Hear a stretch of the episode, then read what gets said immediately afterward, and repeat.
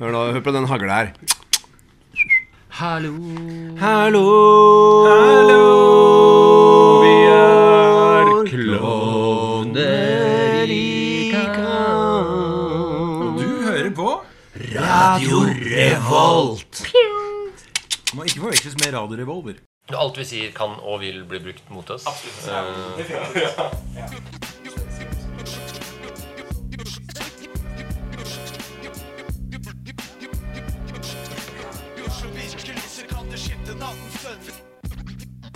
Men det er off, alt er off-record, ikke sant? Ja, ja, ja, definitivt. Lover. Ja, altså fordi eh, Før jeg kom hit i dag, så satt jeg og så på den der ta eh, Taken Over. Det er noen år siden den eh, slapp ut, men jeg husker dere som en veldig sånn sentral del der.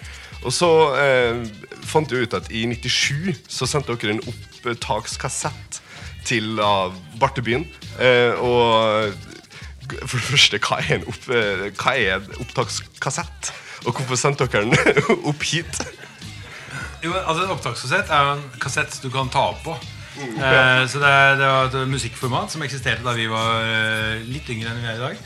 Da, da var det liksom det var LP-plater og kassetter, og så kom CD-en. Som var en eh, revolusjon. Men den gangen så var det eneste måten å distribuere musikken på, var jo ved at du fikk spilt inn og levert en kopi til noen som da spilte inn på noe nytt. Og sånn, og da var jo kassetten eh, et fantastisk medium. Så vi spilte jo inn låter, og så ble det kopiert av kompiser på fest og alt mulig sånn, så sendte vel vi litt sånn rundt til andre eh, folk i, i Norge som drev med hiphop. Det var ikke veldig mange. Og da kom vi vel ikke Sendte vi, eller fikk de tak i? Nei, det ble vel bare s- Musikken spredde seg litt sånn utenfor. Vi hadde jo ikke gitt ut dette her, så det var jo ikke låter vi egentlig var 100 fornøyd med. Og det var ikke meningen å gi det ut. Men så var det det at det var ikke så mye norsk rap. Så det betydde at ja, du ga det til én kompis, og så ble det spredd i sikkert mange hundre kopier til slutt. Og da forvillet noen av de kopiene seg opp til Trondheim og til Bergen. og sånne ting. Og så ble det hjem til det- meg òg, for det var sånn første møtet mitt Ja. var med klovner. Så jeg fikk en, klo av en eh, kassett som var kopiert av en kopi av en kopi av en kopi. Kvaliteten var dårligere. Det hørtes, ut som black metal. Det ble litt bedre hver gang du kopierer. eh, Så blir det litt bedre. Motsatt, ja. Men, eh, David, du visste hva du, eh, hva du ble med på da? eh, Når du hadde tre ganger kopikassett? Ja, men jeg visste hva jeg ble på. Ja, altså Hørtes det ut som Klovner når du fikk lov å bli med også? Ja, det vil jeg jo si. Men da var jo de, låtene var liksom eh, De ble, forble jo eh, på kassett. Eller alle disse kassettene. Så de ble jo aldri gitt ut, eh, noen av de, de gode gamle låtene.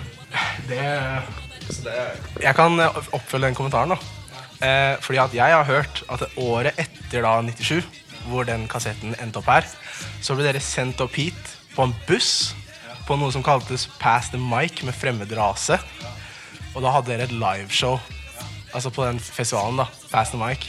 Um, og sånn som jeg har forstått det, eh, Fremmed rase har gitt ut en kassettape hvor det er liveopptak fra den festivalen fra 98 med dere som spiller låter. Jeg lurte på om dere visste om det. Det demmer, Jeg mener jeg så Jester la ut en sånn Instagram-post hvor han åpner en pakke fra fremmed rase. Vi har ikke fått pakke. Vi vil ha pakke. Så jeg har fått med meg at Men jeg har ikke helt skjønt konseptet. Men eh, det er jo veldig gøy at sånne ting dukker opp igjen. da Det var de eh, Altså jeg må si sånn For hiphopen i Norge så var jo Trøndelag Eller Trondheim var jævlig viktig. For her var det så mange engasjerte folk som gikk all in. Og arrangerte da to ganger H-festivalen, som jo var samla i hele Norge. Så vi, satt jo, vi tok jo busser oppover. Alle breakerne, rapperne øh, og graffitimalerne. Og så ble aner ikke- Glem DJ-ene. ja, jeg betalte for det, men vi kom da i hvert fall opp alle fra Fredrikstad, Oslo og Bergen og rundt omkring. Og så var vi i Trondheim en hel helg, og det var konserter på Bula. Var det et? Var det et? Ja, Det var det første stedet vi spilte. Det, det var den konsertstedet. Ja, men i hvert Så var det Veita scene. Ja, Veita scene. senere. Men Trondheim var jævlig viktig for eh, norsk hiphop. Eh, og flere av de som Trepan og sånn, som var sånn primusmotor, har fått altfor lite oppmerksomhet. Eh, for det var helt sånn avgjørende for alle band å ha et sted å spille. ikke sant? Og det var ikke, Hiphop var jo ikke noe folk hørte på. Så det at noen arrangerte en hiphopfestival, var ganske viktig for at kulturen fikk utvikle seg. Folk fikk spilt. Og vi var her oppe da Faen, hva var det som eh, Jo, de hadde fått tak i eh, Rocksteady Crew. som var her på breaka. Var ikke det? Ja? Jo, på Rosendal eh, scene var det vel. Ja, det var jo smått legendarisk. Det var liksom urbreakerne fra New York som plutselig befant seg i Trondheim og spant rundt på gulvet og sånn. Det er, det, jeg si, det er liksom Trøndelagschapteret av norsk hiphop som ordna det. Og det, det har de fått litt for lite oppmerksomhet til, syns jeg. Så det er veldig kult at de plukker opp den eh, ballen der igjen. Og minne folk på hva som en gang var. Og to ganger H, Det ble laget en video av to ganger H-opptak av alt. Som ble gitt ut på videokassett. Og den har jeg. Jeg fant, det, jo- jeg fant en sånn VHS-kassett. Hvor det sto det reinspikka hiphop og to ganger og Altså, jeg, jeg er jo gammel nok til å på en måte vite hva en kassettape er, og hva en VHS-tape er. Eh, men det er det ikke alle som er. Eh, mitt forhold til dere mitt, mitt første møte med dere var i fjerde klasse, når norsklæreren vår fikk oss til å analysere Nattens sønner. Eh, og da tror jeg den var helt ny. Um, var en ganske kul eh, opplevelse. Så det er sånn, sånn, Jeg visste aldri hvor populær den låten var. Fordi at jeg, altså, jeg har hatt ikke et så nært forhold til Klovner i kamp. Altså Alle vet jo hvem dere er, åpenbart. Em, men det var liksom sånn helt siden jeg analyserte den teksten i fjerde klasse, så har jeg på en måte visst hvem dere er og hørt musikken deres her og der. Um, så når jeg fikk vite at jeg skulle intervjue dere, så sa jeg det fra til familien min. og alle var sånn ah, Dritfett! Jævlig rått. Bortsett fra min minste lillebroren min, som er født i 07, som sa Er det et band eller noe? Og det leder meg liksom litt til det spørsmålet sånn Bryr dere dere veldig mye om hvor mange generasjoner som dere er relevante for? Fordi jeg tenker at dere er på en måte det, Så lenge jeg har levd, så har dere vært relevant for alle generasjonene jeg har opplevd. Bortsett fra da lillebroren min sin generasjon. da Så vet liksom alle hvem dere er. Du kan si at Da vi spilte, da vi starta og sånne ting, så spilte vi jo for jevngamle eller folk på vår egen alder. ikke sant? Ungdommer og, og, og sånn. Og så la vi jo ned i 2006. Og da, det, da tenkte vel både vi og fansen at nå er det over. Og vi begynte med andre ting og sånne ting. Men det som skjedde da i de årene hvor vi ikke holdt på, det var jo det som var rart. For da begynte jo da kanskje de som hadde hørt på Klovner, å spille for sine kids igjen når de fikk kids. Og så spredde det seg mer og mer. og sånne ting Så da vi kom eh, tilbake igjen da, syv år etter og gjorde liksom comeback, da var det plutselig blitt sånn at unge og gamle og alle hadde hørt om Klovnekamp. og plutselig var Klovnekamp blitt mye større enn det det egentlig var. Og så var det jo det at vi fikk tilbud om å, å lage en sånn låt til den der Flåklypa-filmen. Hvor vi skrev den langt å gå, som egentlig var bare en sånn ja, morsom låt vi skrev til den filmen. Og vi egentlig ikke tenkte at det skulle være noe Klovner i kamp-låt i det hele tatt. Men så spilte vi på en konsert som var for gøy, og så tok det helt av. Så, ja, så den låten er jo blitt vår største hit nå. Det er jo den mest streamede låten vår. Og det er litt rart, da, men det gjør også at nå er det jo virkelig sånn en låt som folk synger på sånn bar barneskoleavslutninger. Og det jo blitt helt sånn, Nå er vi jo blitt sånn skikkelig onkler for eh, alt fra småbarn til eh, barnehagetanter og bestemødrene deres. Jeg tror ikke vi Jeg tror vi aldri egentlig har vært helt sånn bevisst om hvor mange som egentlig har hørt på klovner. Vi har bare vært oss tre ikke og doktoren. Seilt rundt i en eh, liten Volkswagen Golf og spilt konserter og vært veldig sånn, til stede i bobla og i nuet. Og Vi har sett at vi solgte mye plater, men vi har ikke møtt alle folka. Og den tiden, Vi var ikke veldig sånn eksponert heller. Så det var ikke sånn at folk kjente oss igjen på gata. Så det var ikke noe sånn du merket ikke sånn veldig selv. Det var da vi spiller i band. liksom og, og så var det faktisk da vi la opp, så skjedde det en annen ting. Og det var at alle de som hadde hørt på låtene eh, som var da tenåringer og sånn, de ble plutselig gamle nok til, til å dra på byen. Jo, men det som var funny var at Plutselig så ble vi jo stoppa av folk på byen. Å, fy faen, det dratt, da. Det tror jeg henger sammen med at de var for unge til å dra på byen da de ble liksom hardcore fans. Og så dukket opp en og ødela det alt.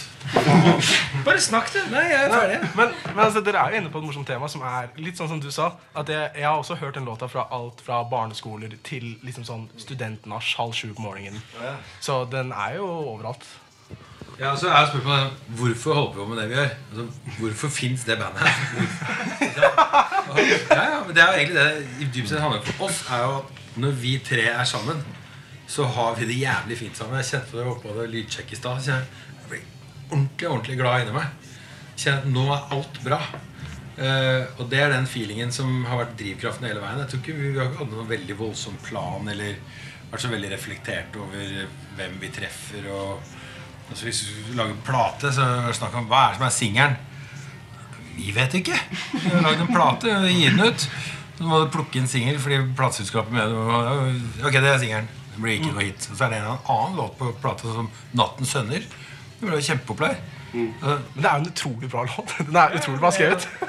Vi skulle gjerne lest den analysen din. Jeg Spør hva du kom fram til. Nei, altså jeg synes at det, det, Den kan kondenseres ned til en ganske bra setning, som er at det i eh, liksom turbulente familier så er det kanskje eh, det viktigste blir oversett, og hvor problematisk Hvor store konsekvenser det kan ha å overse det som liksom er tydelig, men du bare glemmer at det er det.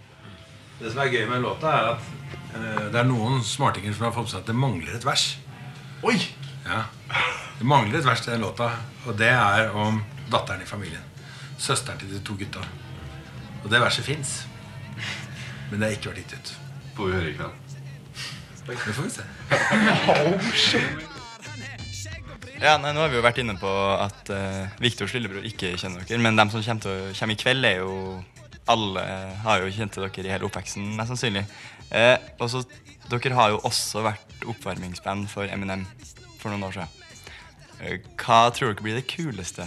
Da å være oppvar Eller Hvordan er dere på konsert for eh, publikummet som skal på en Eminem-konsert, og så er dere oppvarming? Eller er det å ha masse av fulle studenter i storsalen under uka? Hva Eller er det ikke mulig å sammenligne? Det nei, det er kanskje ikke helt mulig å sammenligne. jeg vet ikke Men vi gjør, vi gjør jo det samme, føler jeg, om det er eh, fem eller 50 000. Eh, det har vi jo Og vi har jo vært rundt liksom i, i de første årene vi var ute og turnerte, så spilte vi jo på steder i Altså småsteder overalt hvor det var eh, kanskje var 15 stykker i publikum. Eh, det, det, vi har liksom gått den der lange veien.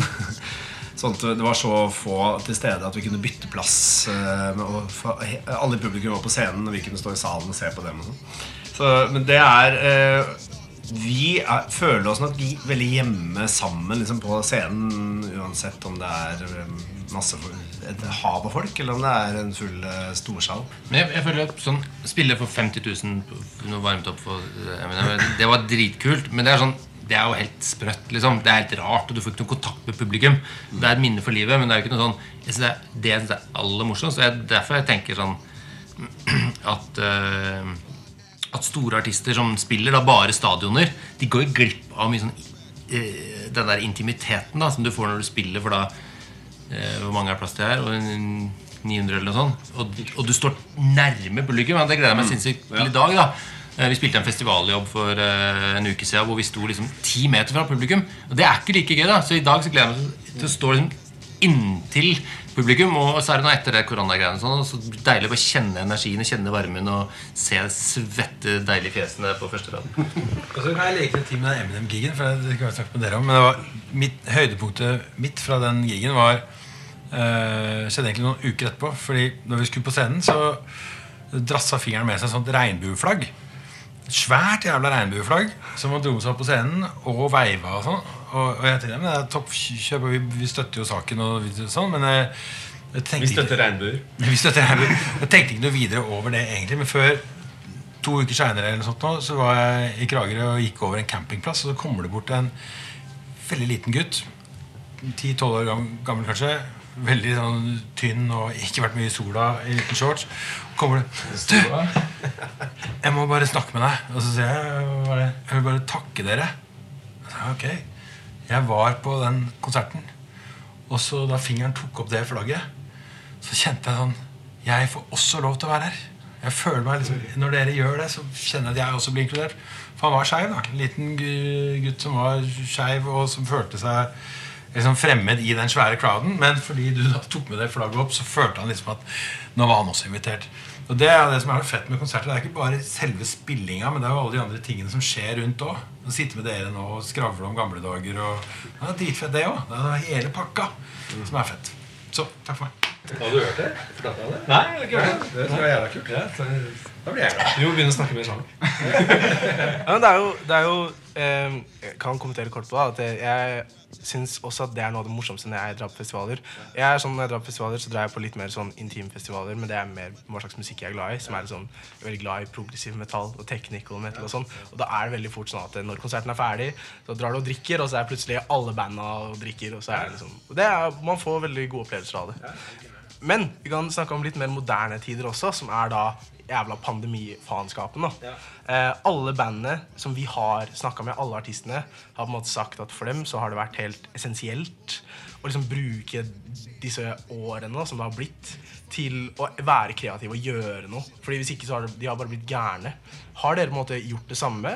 Jeg, jeg skjønner det sånn at dere har mye annet gående, men har dere prøvd å på en måte bruke den tiden her til å lage mer ting innad med dere? Nei. Alle tre er i den berømte tidsklemma. Og Aslak har laget filmmusikk og seriemusikk og plater med harr. Og Fingeren har solgt et selskap og starta et selskap. Og jeg driver et produksjonsselskap. Og vi har møttes, og vi har vært sammen, men det har vært for lite av det. Vi har lagd én låt i år. ikke det? Jo, i år, ja. Vi har vært på to øh, altså Vi har en øh, historie med å dra på hytteturer når vi lager plater. Som vi i hvert fall gjorde med plate nummer to og tre. Ja, for da rømmer vi liksom litt byen. Da. Det, Ja. så da får vi ofte gjort litt mer enn når vi er, er i byen. Så det er jo desto viktigere nå å rømme byen når vi har familiegreier gående hjemme og sånn. Men Så det har vi gjort. Vi har vært på et, øh, faktisk et par hytteturer i løpet av denne Men kort fortalt, da, det som skjer, er at eh, vi drar på hytteturer. Eh, og så lager vi en beat, en av oss. Og så lager vi en et vers, og så lager vi en refreng. Og så syns vi det er dritgenialt, og så tenker vi den skal vi gjøre ferdig. Og så gjør vi den aldri ferdig. Så går det en ny hyttetur tre måneder senere, og så gjentar det samme seg. Så vi har eh, sikkert 100, 100, 100 eh, ganske kule låter som er eh, ikke ferdig, og aldri kommer til å bli ferdig. De blir ferdig. Det blir dobbeltalbum. Jeg. Jeg mener i hvert fall at Vi har tre, eh, to eller tre veldig gode singelkandidater. Altså, som skal, skal kalle det. Garanterte hits. Dette blir singler. Hallo. Hallo, Vi